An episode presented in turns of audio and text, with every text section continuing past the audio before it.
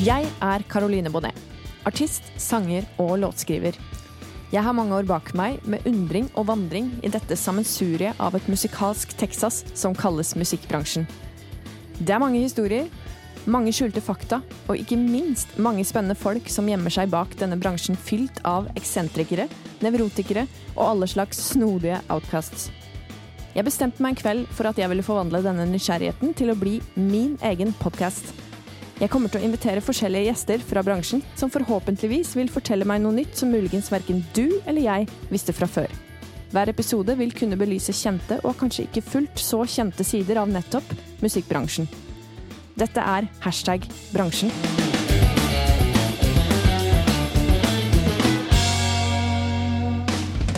I dag er jeg så heldig å ha besøk av Hilma Nikolaisen her i Lekerommet studio. Velkommen til hashtag bransjen. Tusen hjertelig takk. Du er jo bassist, gitarist, artist, låtskriver og vokalist. Altså du eh, sjekker inn de fleste av punktene på det som eh, inneholder i ordet musiker, da, for å si det sånn. Ja, du må ikke glemme harpeleik. Nå, Ja, har, nå har jeg brukt okay. harpeleik på den, eh, den låta som jeg slipper i dag. Spiller harpeleik. Wow. Det syns jeg er tøft. Det, Det, er så jeg syns vi skal si det først. Ja. Harpeleikist. ja. Jeg pleier jo å lese meg litt opp på de eh, jeg inviterer hit, og mm. har jo da gjort det på deg også. Eh, og da leser jeg jo at du er fra Moi, eller er det Moi? Eller hva, hvordan sier man det? Eh, Moi. Moi Mm. i Rogaland. Ja. Ja. Rett over grensa. Ok. Mm. Ja. Og du har da veldig mye forskjellig historie i musikkbransjen, sånn av ting du har gjort, da. For uh, du har f.eks. vært bassist i det smått legendariske støyrockbandet Serena Manish, Mm. hvor uh, din bror Emil er frontfigur. Riktig. Og så er det jo mange som for øvrig kjenner eh, søstera di også, Elvira. Uh, og så fant jeg ut en fun fact om deg, at du ble kåret til Norges best kledde kvinne i 2006. Det- Ja, det Jeg lever på den der, altså. Ja, ja, Eh, ja, det skjønner jeg. Men det er jo ikke klær vi skal snakke om i dag. Eh, for du har jo vært tidligere medlem av retropoporkesteret Loch Ness Mouse, Mm. og også eh, vært med i punketrioen Umbrella. Mm. Og så har du jo da Du var bassisten til Anne Grete Preus, som dessverre døde altfor tidlig i fjor, var det det? I 2019. Mm. Ja. Eh, og spilte med henne i mange år, Mm. som jeg har skjønt det. Uh, og så debuterte du som soloartist i 2016, uh, hvor du ga ut albumet Puzzler Mm. og ble Spellemannsnominert i klassen Indie. Mm. Og nå så er du aktuell med et album, ditt tredje sol soloalbum, som heter Limbo Jives. Mm, eh, nei. Nei, eh, det var okay, et, eh, det var feil. Det var et slags eh, smitteverntiltak eh, under koronaen. Så spilte vi inn en liveskive på eh, Sentralen. Ja. Så eh, omarrangerte og videreutvikla en del tidligere låter. Og så spilte det i et slags 40 minutters eh, passasje som ble gitt ut på vinyl. Eh, så den Det var en litt sånn bobleskive. Sånn limbo-skive. OK. som kom. Så kom eh, mitt tredje soloalbum kommer da på nyåret. Som heter Heritage. Skjønner. Så det er Men eh, bra å nevne den der Limbo Jives, for den er en morsom, morsom eh, plate. Ja, Mm. kult. Og så sa du du eh, gir ut en låt i dag, faktisk. Mm. Eh, hvordan låt er det, da?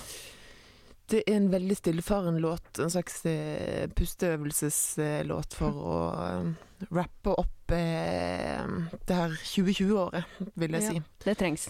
Ja, jeg har prøvd å lage noen julelåter, litt fordi at jeg føler at hele julelåtkonseptet er veldig lite sjarmerende. Eller jeg syns i hvert fall at det har noen slags eh, onåner over seg. Hele det der eh, noe kunstig. Så jeg har Mm. tenkt eh, I 2015 så gjorde jeg det første gang, så tenkte jeg jeg skal lage en julelåt. Det er en perfekt måte å eh, bare lage noe spontant akkurat nå, her og nå i år. Og det var, da hadde ikke jeg gitt ut noe som soloartist. Så da tenkte jeg det var en fin måte å bare tvinge meg selv til at nå gjør jeg det akkurat nå. Jeg kan ikke vente til februar eller noe. Jeg gjør det nå i i desember. Så da gjorde jeg det en gang, og syntes det var kult. For folk, jeg merker folk syns det er litt kleint også hvis du sier at du skal gi ut en julelåt. Det er liksom Mm. litt svett.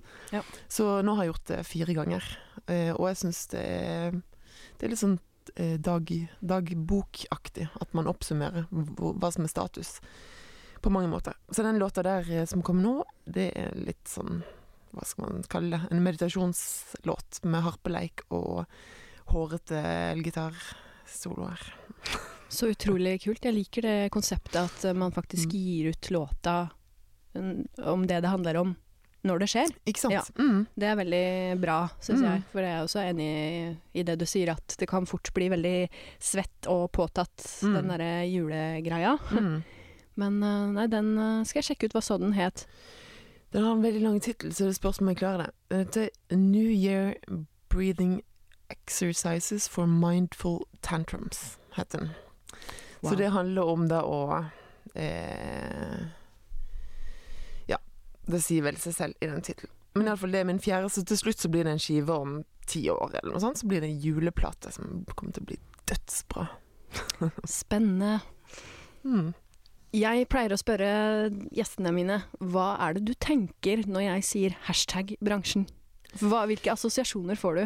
Uh, litt kanskje det samme som eh, julelåt. Da vil jeg tenke litt eh, svett, Ja. rett og slett. Så, eh, først da jeg ble spurt om å eh, være med her, så tenkte Mhm. jeg litt sånn Ja, men det passer ikke for meg å Mm. være med, for jeg er ikke en del av bransjen. Mm. Det var liksom første eh, jeg tenkte på. Men så, som, som du eh, oppsummerte noe greier her i stad, at eh, hva, hvilke ting jeg har vært med på. Så kan ikke jeg si at det ikke er en, en del av en bransje, for det, er jo, det er jo det eneste jeg har gjort. Den eneste bransjen jeg har vært i. Så jeg kan jo ikke si at det ikke er en del av den, men allikevel så, så, så er det noe oppstandasig i meg som har en eh, slags distanse da, til hele det bransjebegrepet, vil jeg si. Punkeren i deg, kanskje? Ja, Som, det, ja, eh, ikke sant? Jo, jo, jo. Eh, Mm, ja. ja. Nei, men det forstår jeg. Det er, eh, kan fort bli litt sånn eh, påtatt. ja. Men, og kanskje litt eh, sånn mammonaktig. Litt sånn Ja. eh, avgudsdyrkelsesbegrep. Morsomt å høre hva, hvilke forskjellige ting Ja, man faktisk tenker når man sier hashtag bransjen. mm. Hva er det som definerte din inntreden i musikkbransjen, Hilma? Ja, hvis jeg noen gang kom inn dit, altså, så tror jeg det må ha vært eh, Jeg kan ikke si at det var på Moi, i alle fall, for det kan jeg nesten ikke kalle en bransje. Men på en måte så hadde vi jo vel det der også. Vi hadde label og sånn. Og det er jo en slags bransje. Med, eh, eh, vi kalte det for Zip Records. Vi ga ut masse kassetter. Vi hadde nye band hele tiden. Og eh, alle banda eh, lagde kassetter som vi kopierte opp på kirkekontoret. Og satt og eh, meg og min bror Ivar jeg ga ut masse greier. Eh, men iallfall da var det jo på et sånt nivå også da vi Hvis noen ville nevnt en bransje, så ville vi jo iallfall spydd og bare holdt det langt, langt unna. Men så begynte etter hvert å spille Spilte i et band som het Umbrella. Det var en sånn punketrio.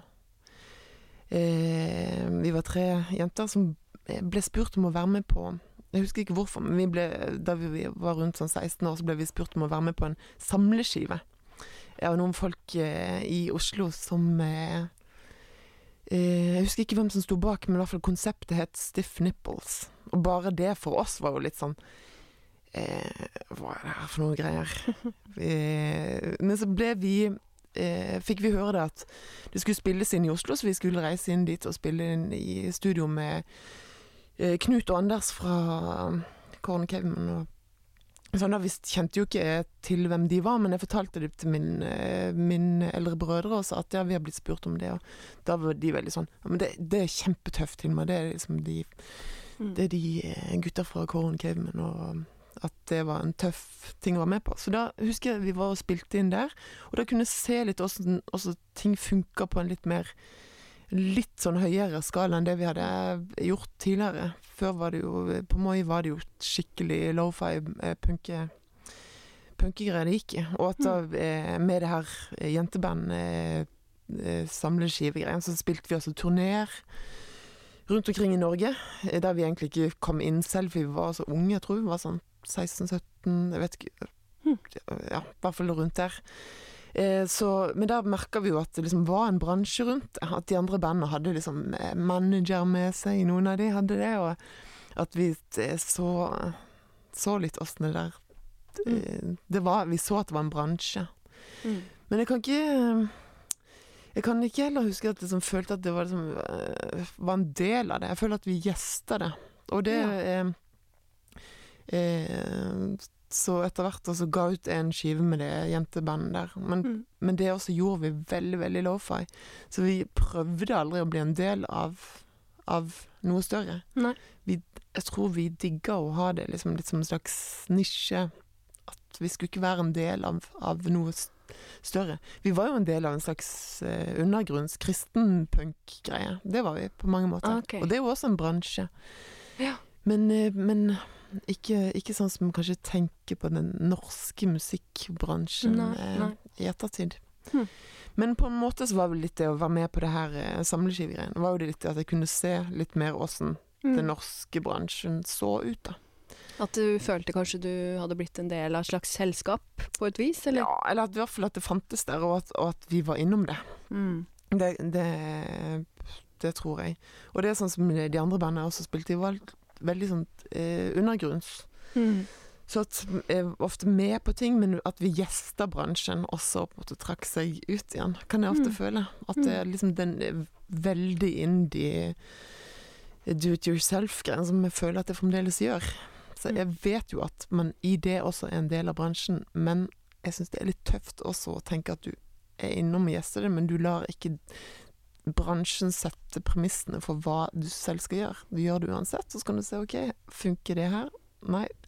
Da holder jeg det på en måte utenfor, mm. og så gjør man det på sin på sin måte. Men jeg tror iallfall det var min, mitt Mm. første møte med bransjen. Det var nok eh, med det eh, jenteband-konseptgreiene som vi Som det bandet var med, med på, da. Men sånn seinere, da, for altså, jeg skjønner jo som du forteller at så er du jo litt sånn ambivalent til uh, ordet bransjen, og du tenker at den, har jeg noensinne vært en del av den, eller er det altså når, når vil det si man er en del av musikkbransjen og ikke, altså at man på en måte, sånn som du kanskje har vært litt mer i nisjer og litt mer underground, eller hvis jeg Mm. forstår det riktig, da. Mm. Men har du noen spesiell historie som du tenker altså Jeg pleier å si har du en spesiell hashtag bransjen-historie som du aldri glemmer, men da tenker jeg jo mer på er det en episode eller noe spesielt du tenker tilbake til din tid i musikkbransjen, da, som du tenker bare Hvorfor har jeg begitt meg ut på det her, eller eh, en sånn opplevelse som bare um, ja, Hva skjer nå, På liksom? en måte så føler jeg at nesten alle ganger har spilt på veldig mye bransjefestivaler. Det har Ja. jeg som alltid eh, gjort, i alle fall med det bandet som jeg spilte med min bror, som var min brors band, Serena Manesh. Mm. Så spilte vi mye eh, bransjefestivaler, og da kan jeg huske at han også var ganske ambivalent til det, for det var litt som at man skulle komme litt sånn eh, Være et slags sånn vilt alibi i et en veldig sånn streit univers. Ja. Så jeg kan huske nesten alltid vi var innom på de festivalene, så det var den følelsen av å ikke Å ikke passe, passe inn. Det var- Mm. Husker alltid var veldig mye eh, Det var veldig mye bra mat. Veldig bra sånn catering. Og eh, også i utlandet så var det også veldig mye Mm. sånt. Og veldig mye eh, at det var gratis alkohol. Så det var det bra med bransje, bransjefestival. Men jeg husker vi spilte en gang eh, på eh, en bransjefestival i eh, i eh, Danmark, i Århus. Når du sier bransjefestival, bare sånn for å skyte inn, så Mm. tenker du da en sånn typisk musikkfestival, Byland. ikke sant? Da tenker jeg Byland, ja. for eksempel. Det er veldig Altså, mange tenker sikkert på det som noe helt vanlig Helt som å være på vanlige konserter, men Mainstream. ja. Ja. Eh, altså, det er ikke Altså, jeg syns det er stor, en stor forskjell. Ja. Det syns jeg faktisk. For at du kommer inn i noe, du skal liksom tilpasse et skjema også. Du skal spille 25 minutter, eller du skal også, Og du skal liksom prøve å treffe riktig, fordi i tilfelle den og den personen Mm. er der sånn. Men kan jeg huske en gang vi var i, eh, på en festival i Århus som et Spot, hvis ikke jeg husker feil. Og da husker jeg alltid at hvis eh, eh, Vi hadde aldri eh, lykkes i Danmark, i bransjen i Danmark. Mm. Så vi skulle liksom eh, prøve Hadde gjort noen ting som var litt sånn mislykka. Eller ikke, eh, ikke funka så bra tidligere. Så gjorde vi skulle vi gjøre en, en konsert som var liksom OK, nå gjelder det. Nå har du fått en skikkelig bra spot. Det var dritmye folk. Og så var det veldig sånn strengt regime på at OK, alle 25 minutter, eh, alle med, ja. Mm. Og så skulle eh, Det var en gigantisk scene. Og så skulle jeg eh, eh, Jeg hadde misforstått tidene, så jeg bare 'Jeg skal bare på do først.' Nei, nei, nei, du kan ikke gå på do. Du må løpe løp på scenen. Du må eh, Det er liksom nå. Løp opp. Eh, så, så husker jeg Det var, også sånn, type sted der alle står liksom på scenen med sånne eh, bånd rundt halsen og er liksom sånn, skal Mm. passe på at her skal det skje under festivalens regimer. Og så, var, i fall, så måtte vi bare gå på det vi skulle.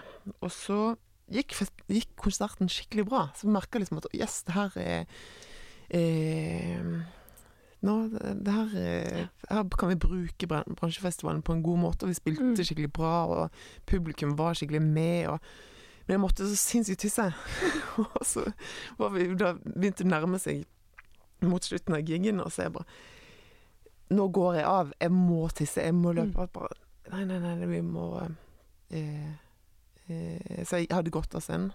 Og så så jeg på klokken også, det var sånn svær klokke ved siden av. Men det går bra. De får ikke lov til å spille mer når det har gått 25 minutter. Mm. Og så var de bransjefolka som sto på siden der. Det går bra, dere får fem minutter til.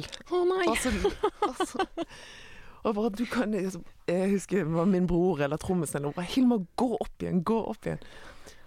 Og så tisser jeg på meg. det var mitt bransjeminne. Eh, Men det var veldig morsomt også, for det var litt sånn det var Den følelsen av som jeg bare ropte til trommisen bare 'Jeg tisser på meg'. Den følelsen av å stå der, og folk bare 'yeah', så vet Ja. du at du har tissa på deg. Det er sånn eh, Det er Hashtag bransjen. det er litt sånn eh, bransjen fuck up eh, Ja. statement. Det, da gir du alt, Ja, altså. ja. Det, var, det, var, det var ingen stor katastrofe, men jeg husker at det morsomste var å se ansiktet til han eh, trommisen da jeg sa jeg hadde tissa på meg. Ja. Så Ja, det, det kan jeg skjønne var eh, grimasene sine. det var, Men det var en veldig kul konsert. Ja. Det var ja, min beste bransjefestivalkonserten min, i alle fall. Kult. Lang historie. Ja. Hva tror du er det folk misforstår mest med musikkbransjen da, egentlig? Jeg tror kanskje mange tror at musikkbransjen er litt sånn orient... Eller litt sånn Kanskje litt organisert, sånn at ting er på stell. Sånn at når Mm. du er en artist, så gjør du noe som er tilrettelagt, så at ting går litt av seg selv. Det tror jeg mange tror. At nesten alle artister er knyttet opp mot et slags eh, en bransje som ivaretar ting på en sømløs måte. For i en Mm. perfekt verden så ville det jo vært litt sånn. Og at alle kunne være hjemme også i den bransjen. Og så man kan gjøre ting på en effektiv måte. Få brukt de ulike bidragsyterne på en god måte. Og Mm. det tror jeg mange tror. Fordi man ofte ser det som kanskje eh, kommer ut av det, ser så eh, strømlinjeform, eller ser så velfungerende ut ofte. Så jeg tror mange tror at det er sånn det funker. Mm. Eh, mens det er kanskje ikke helt mine erfaringer av det. Jeg føler ofte at eh, hvis eh, Hvis jeg skal få gjort noe, så må jeg gjøre Så må jeg gjøre det selv. Og så må jeg gjøre Helt konkret så må det være en del av alle ledd. Mm. Fordi hvis ikke så blir ikke ting eh, gjort. Mm. Ja, Så jeg har litt meg den Ja. Så jeg tror liksom at, hvert fall at eh, hvis det er folk som ikke driver med musikk, så tror Mm. man litt at musikkbransjen er Mm. Eh, Planlagt og tilrettelagt. Ja, og for, liksom for alle at du har de ulike avdelingene som er Som funker til det og det, og som er Mm. med og Altså, det skal jo sikkert være sånn, og det, ofte så er det jo sikkert sånn også, men jeg tror, tror det er mange som føler at ikke musikkbransjen er til for de, og Mm. at ikke man verken føler seg hjemme eller får brukt den på en god måte. Mm. Så, jeg har tenkt litt på det liksom, det er kanskje siste året, som har også tenkt at ok, blir det her liksom min siste skiveaktig, for at hvor lenge kan man holde på med det? For det er nesten noen ganger kan det føles barnslig at man liksom tør å holde på med når det ikke er noen butikk. Mm. At, eh, men så blir det hele tiden bare én skive til, eller en runde til. Da. Mm. Så jeg har tenkt liksom, ok, åssen kan jeg bruke bransjen?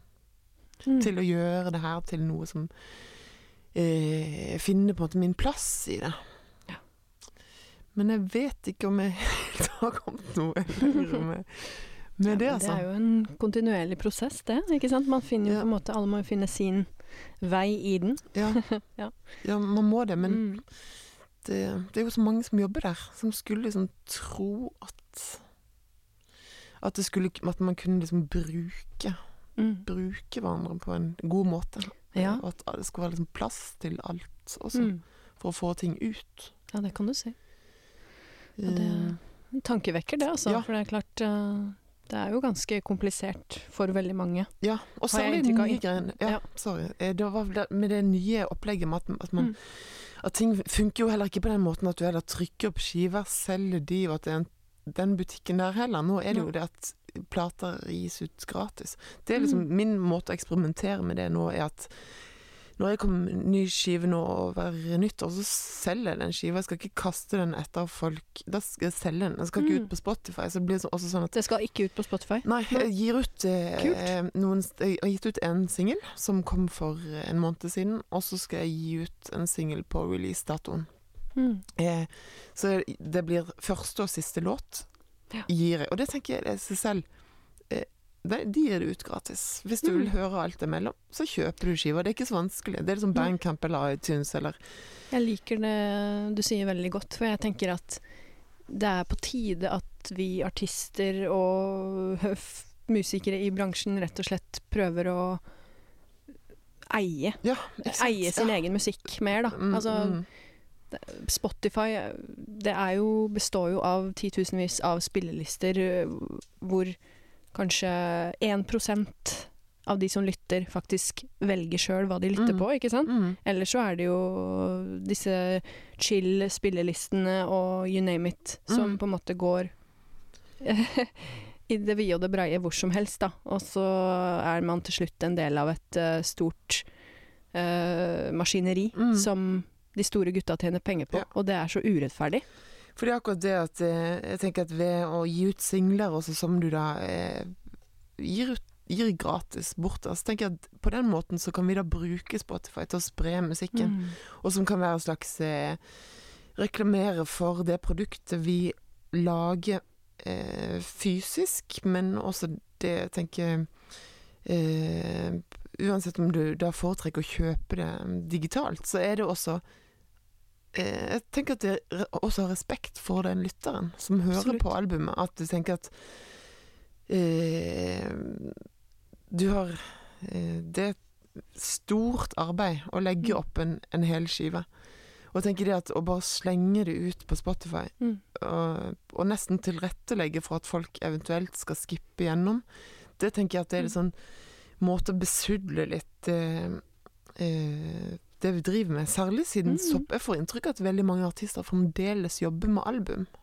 Mange gjør Det fremdeles det, er altså. jo faktisk en vanlig greie. Ja, Mm. Og, da, og, og, og da tenker jeg at eh, At vi bør nesten verne litt om, Mm. om hele det konseptet. Og For jeg tenker at bare med sånn selvrespekt også. At jeg bruker så sinnssykt mye tid på det. Og da blir det sånn eh, Det er lett for meg å gjøre det, for jeg tjener ikke pengene på Spotify uansett. Så det, for meg er det ikke noe stort offer, men jeg tenker bare litt om statement også i å si at Mm. at eh, jo, denne skiva har jeg faktisk eh, Jeg er stolt av den. Mm. Jeg har brukt eh, mye tid på å planlegge også, eh, den fortellingen som du også legger opp til i Ja, et album. Og jeg vil ikke at folk skal bare dra ut en låt her og der, eller eh, Men singlene er helt topp. Og jeg vil jo gjerne også at folk skal høre låtene mine, men likevel så tenker jeg at er du interessert nok, så går du inn og så kjøper du. Du kan til og med høre også en snutt av låtene. Det kan man jo gjøre på iTunes og alle Mm. andre steder. Kan du liksom høre om du har lyst til å kjøpe de ulike låtene. Og at cover også får en ny eh, eh, Ikke en ny, men det får kanskje den gamle verdien igjen tilbake. Hvis Mm. det også blir sånn at du kjøper det, at du leser tekstene i coveret, du ser liksom hva man har tenkt. At det får det flerdimensjonalt. For det Mm. tror jeg kanskje blir litt altså sånn som eh, du spurte om hva jeg tror at folk har misforstått, eller hva slags eh, hva folk tror om bransjen, som kanskje ikke stemmer. Så tror jeg det er litt det også at folk tror at det er eh, det må å Jeg lurer på om folk tror at man får betalt for å bare gi ut musikk Ja. automatisk. Det gjør man jo ikke. Nei. Du får ikke en dritt for det. Så at folk Du betaler penger sjøl for ja, å? Ja, det koster, du bruker alle penger du har. Ja. Og eh, eh, jeg tror kanskje også det at eh, noen tror at eh, eh, At det er helt rimelig at man skal få musikken gratis. Mm. Det, tror, det har blitt en ny forståelse. Vet du hva, det syns jeg er en av de Mm. Misforståelsene i vår uh, tid. Mm. At folk bare kan få slengt kunst opp i fanget Mm. og ikke gi noe for det. Mm. Jeg, jeg syns Mm. det er så provoserende, og jeg blir så inspirert av det du sier om albumformatet, ikke sant, og at man burde kunne bruke disse digitale plattformene på en annen type måte Mm. for å kanskje få flere lyttere, eller altså som du sier, at de som har lyst til å høre på musikken Mm. du har laget Få flere dedikerte Ja. lyttere, det tenker jeg at eh, mm, For jeg tror jeg har mange dedikerte lyttere fra før av, og jeg tror at de også vil føle seg verdsatt ved at de som kjøper skiva, de tror jeg tenker også litt at eh, eh, At vi er liksom litt sammen om, Mm. om det her. At det er liksom Ja. eh, utsender, mottaker, hele den greien der om at eh, Jeg tror det var litt sånn før. Det tror jeg. Jeg tror Mm. det litt, for Da var det at folk gikk og gledet seg til en skive Mm. på en sånn måte som at du, du investerer i det. Og med en gang du investerer i noe, så får du også noe mer igjen for det. Mm. For litt det som du sier, at folk får det slengt eh, opp i fanget. mm, Så er det at du vil ikke ha ting slengt etter deg heller. Du vil ikke det. Du får ikke lyst på eh, det du er mest glad i, nesten heller, hvis du bare får det liksom kasta etter deg. Jeg tenker at det er litt, litt også mm. Å se hva ønsker jeg. Du velger det, og når noe er valgt, så gir det en helt annen eh, eh, approach til det. Da. Så jeg tenker Ja. at eh, eh, Jeg håper at flere også begynner å tenke litt at det er ikke å være vanskelig eller være utilgjengelig på noen slags måte. Det er ikke spille liksom kostbare på noen som helst måte. Nei. Det er bare litt den der å, å si til seg selv også at hva er det eh, og Spør også hva, hva, jobb, hva er jobben min akkurat i Mm. det her. Altså, du har jobbet med eh, å gjøre krav også på Jeg tenker også gjøre det litt på vegne av også en, Mm. en bransje, kan man si. Ja. Eller en, liksom en del av den bransjen. Veldig mange kloke ord her, altså. Virkelig. Eh, jeg er litt sånn nysgjerrig på din oppvekst ja, i en veldig musikalsk familie. For som du mm. sa, så er jo du fra Jeg er jo litt sånn geografinerd, så jeg vet jo at det stedet du er fra, er en del av det såkalte bibelbeltet. Mm. Og du spilte da kristenrock, på en måte. Vi ville absolutt ikke kalle det for det. vi syntes det var veldig flaut. Okay. men, men det var. Ja. Tekstene var jo helt eh, Ok. fundamentalistiske når jeg tenker etter det nå, så det er Ja. helt eh, Men hvordan, hvordan ble det her mottatt i eh, lokalsamfunnet, da? For det er jo Altså, jeg er jo fra et veldig sånn kristent miljø sjøl. Mhm. ifølge meg der hvor bibelbeltet starter, da, i Grenland. Okay. Telemark. Mm, mm. Men uh, i hvert fall så er det jo på en måte en del sånne konservative klubber nedover, uh, ikke sant, kyststripa, som kanskje ikke har så veldig åpenhet for ny type musikk og måter å kanskje Hva skal jeg si? uh, approache Mm. den musikaliteten på, da. Hva, hvordan ble det mottatt, det dere drev med, da? Um, jeg tror kanskje at det var litt lettere for uh, meg eller for vår gjeng, fordi at vi var så mange bare i Vi var et miljø bare i familien. Vi, vi er syv Mm. barn. Okay. Så jeg tenker at hadde jeg vært enebarn, og sånn, så hadde nå min historie vært helt annerledes. Uh, sånn som min eldste bror Emil importerte musikk fra utlandet veldig tidlig. Og solgte skiver til oss. Han var liksom sånn kristen, eh, kristen musikkdistributør. Okay. Det vil han sikkert eh, synes er flaut nå, men han var det, altså.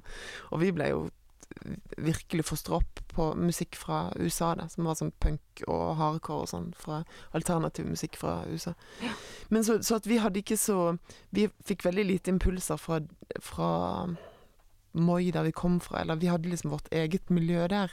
Mm. Så jeg tror at vi, vi var liksom ikke helt en del av bygda sånn sett, men at vi hadde litt konserter hjemme hos oss selv, og så begynte vi å ha litt på, på menighetssenteret. da. Okay. Jeg tror ikke egentlig at miljøet der tenkte at de hadde noe valg, fordi det var, det var bare det som skjedde, Ah, uansett. uansett. Ja, for Og- dere var en del av menigheten, og det var på en måte en naturlig ting når dere da spilte instrumenter og Ja, men vi spilte musikk. ikke i regi av menigheten. Vi Nei. hadde tilgang på nøkler til Ah. menighetshus, for å si det sånn. Så jeg tror ikke de backa jo virkelig ikke alt det vi drev med. Og noen syntes jo også det var regelrett synd. Og jeg husker Ja. en, som, en, dame som, en gammel dame som var veldig glad i meg, at da hun hadde sett meg i avisa med rockegitar, jeg tror det var det hun kalte det, så var, hun gråt hun. Og da, eh, så det var på det nivået der. Det var mange som var sånn. Men allikevel så tror jeg altså folk Folk syns vel det er gøy at folk driver med noe. Det tror jeg nok de syns. Så var det den eldre garde, selvfølgelig. Da er det kanskje begrensa utviklingspotensial i holdninger. Men sånn som nå, så syns jeg at jeg opplever også at de folka som eh, er fra Moi, og de som er eldre der nå, virker som de supporter veldig det vi driver med, selv om vi gjør nokså progressive ting Mm. i, eh, eh, i eh, den farlige storbyen nå. Så, så Men jeg tror vi har fått holde på med ting helt løsrevet eh, da vi vokste opp, fordi Mm. at vi hadde et eget miljø. Og mamma og pappa la til rette for at vi alltid kunne øve. At vi Mm. alltid hadde ø- øvingsrom hjemme. Så bra.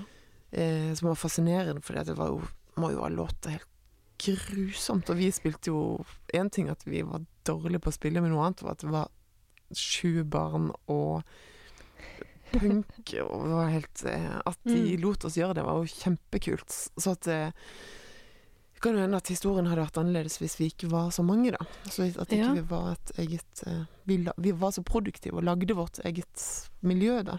Hm. Det der som var løsrevet. De normene som var Vi var en Mm. motkultur til Moi-kulturen, da, vil jeg si. Ja. Eh, mm. Hva er det du begynte å spille først da, av instrumenter? Eh, det Det må vel ha vært gitar, fordi gitar er alltid sånne instrumenter som ligger rundt omkring i, i, i huset. Men jeg husker Mm. at vi hadde også, da, da vi først hadde band, så var det eh, gitar, eh, og at vi satte opp det, sånn som sikkert mange gjør, med gryter, og at, at man får liksom ting til å låte på en måte som at Mm. gjør nytten sin. Ja. Og jeg føler at det, eh, det prinsippet har fulgt meg egentlig hele veien. At jeg liksom tar litt det det jeg har, Ja. og så, så gjør litt ut av det. Men jeg vil tippe det var gitar. Mm.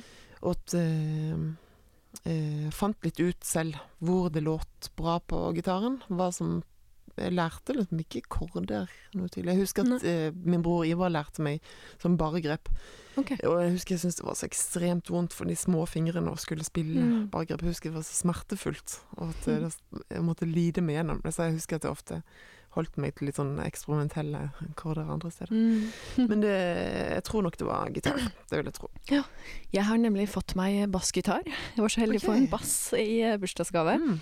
Så jeg eh, kommer da til å føye meg inn i rekken av eh, kvinnelige bassister, forhåpentligvis. Å, så kult. Fremover. Jeg elsker bass. Altså, Men- gjør virkelig, altså. Du som er bassist og ja, du har jo spilt masse, masse bass. Har du noen tips å komme med, sånn for en newbie som meg?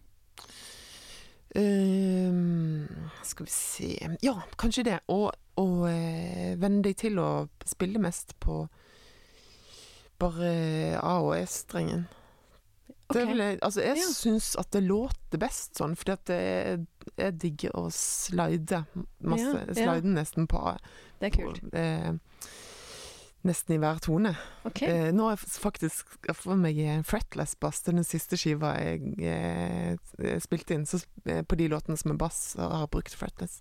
Mm. Og da eh, får det jo enda større funksjon, det med å slide, for det låter jo så sinnssykt bra, det. Men bare også når du spiller Sånn som nå for tiden har jeg eh, jeg har begynt et nytt eh, konsept igjen. Som jeg, jeg har spilt gitar mest med det soloprosjektet som jeg har hatt nå. Eh, har spilt en del bass på skiver, og sånn, men live har alltid spilt gitar. Men nå skal jeg Mm. begynne å spille bass igjen. Eh, Ja. På det helt nyeste Ikke den skiva som kommer nå, men neste igjen. For jeg digger å ha et Mm. nytt prosjekt gående. Så holde Men, seg eh, til A seg, og, ja, fordi da får du A og E-strengen, sa du?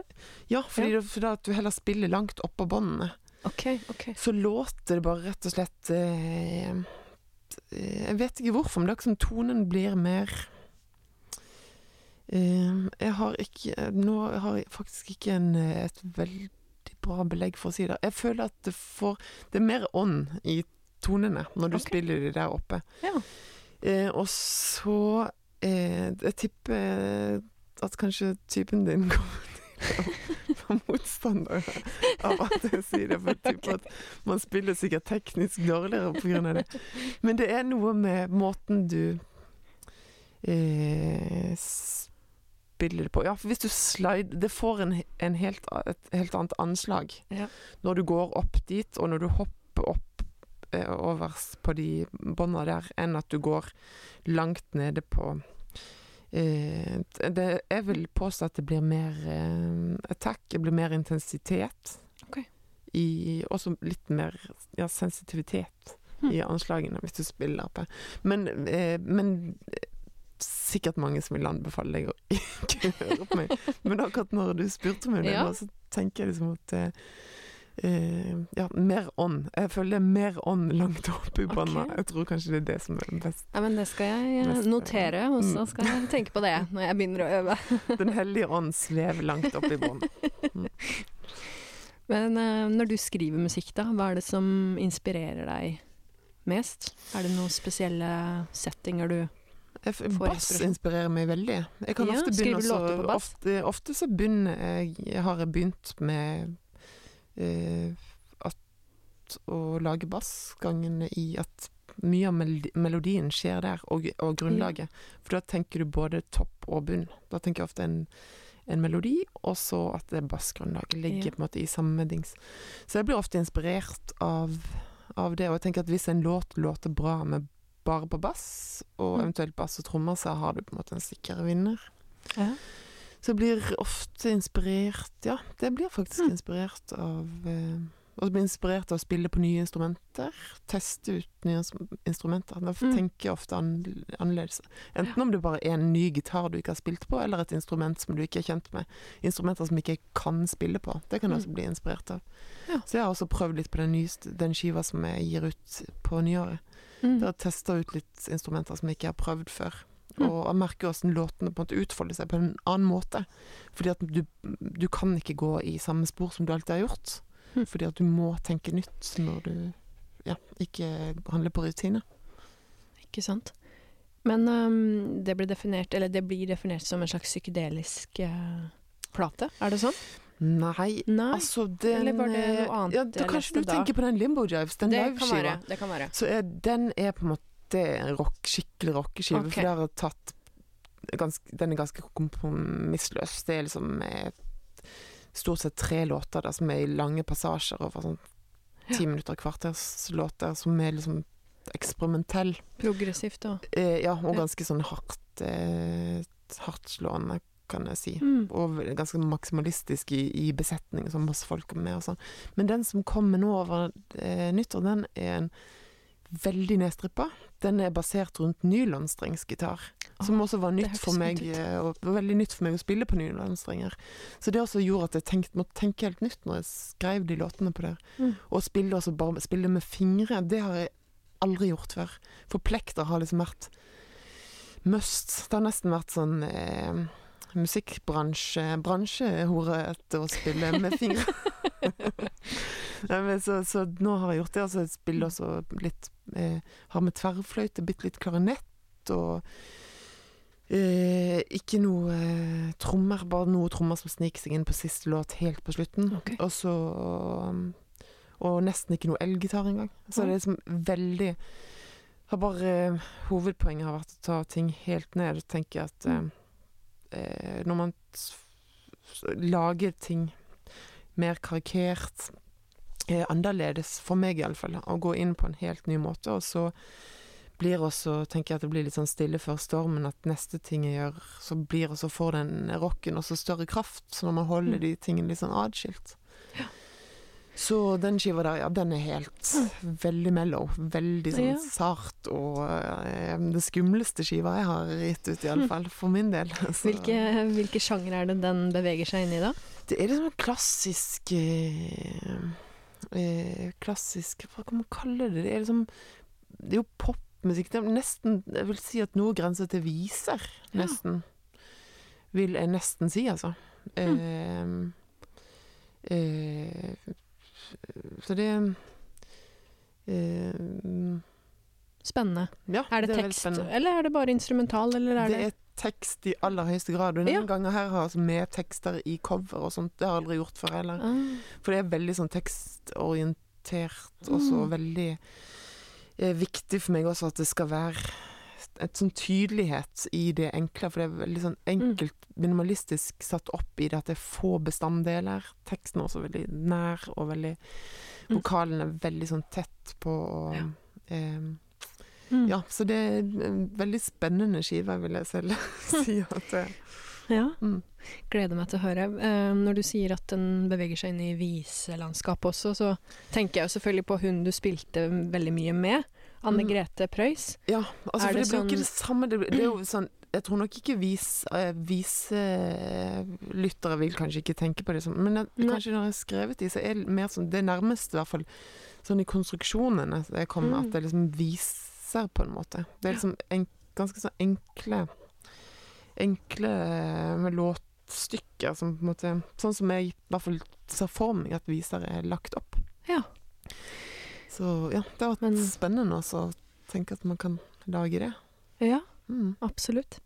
Var det inspirerende å spille med den uh, legenden av en dame, holdt jeg på å si? Ja, det er kanskje et sånn gitt spørsmål, absolutt, men ja, eh, det, det var helt uh, fantastisk. Hun, hun virket jo helt sånn magisk, på en måte. ja, Sånn. hun var så kompromissløs, og det Ja. synes jeg var, også, synes var veldig deilig å se også at det var noen som var så etablert, og som var så På en måte en av våre store eh, eh, artister, men også sånn folkekjære Mm. artister, og som jeg også hadde tenkt på som veldig sånn streit og voksent, at hun også var så kompromissløs. At hun var så die hard, ville gjøre det som var eh, Hun lot seg ikke styre, og der i hvert fall Hun var jo i alle fall en del av en bransje som Mm. sikkert veldig gjerne ville styre henne veldig ofte. Ja.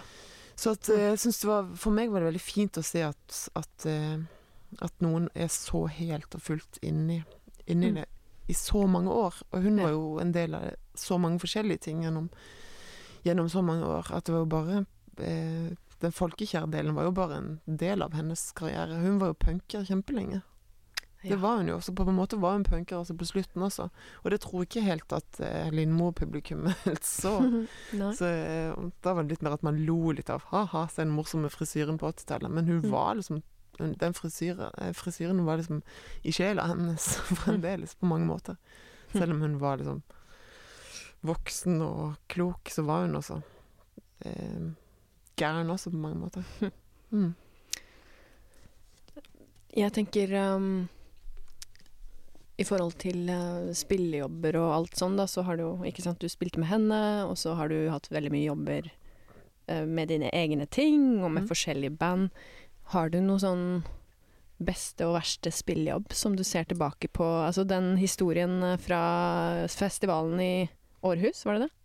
Den, Ja, var, den var jo eh, veldig Den har ikke tenkt på før i, i dag. Men- men eh, Men har du noe Har du eh, Altså, du sa jo at det var kanskje din beste sånn konsertopplevelse på scenen, sånn av publikumrespons og sånn. I bransjekontekst, Ja, i i, bransjekontekst.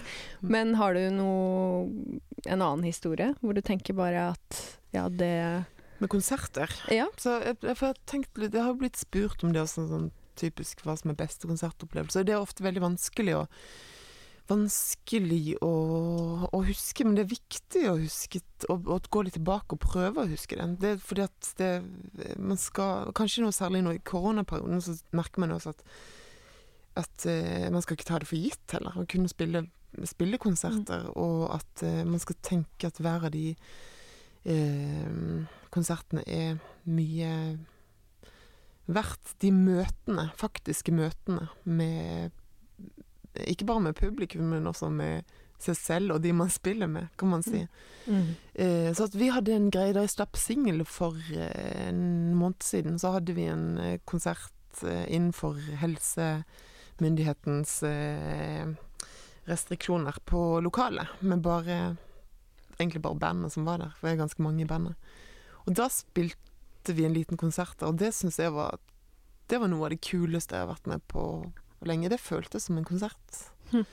Det ble jo en slags jam etter hvert, men det var liksom også at da kunne jeg kjenne litt den der at eh, Hva det der live-greien dreier seg om. Mm. Eh, litt sånn som også Jeg kan elske det når det er skille mellom publikum og, og band også ikke blir så stort. Så at vi har spilt i Kristiansand noen ganger der jeg føler at det har blitt tydelig.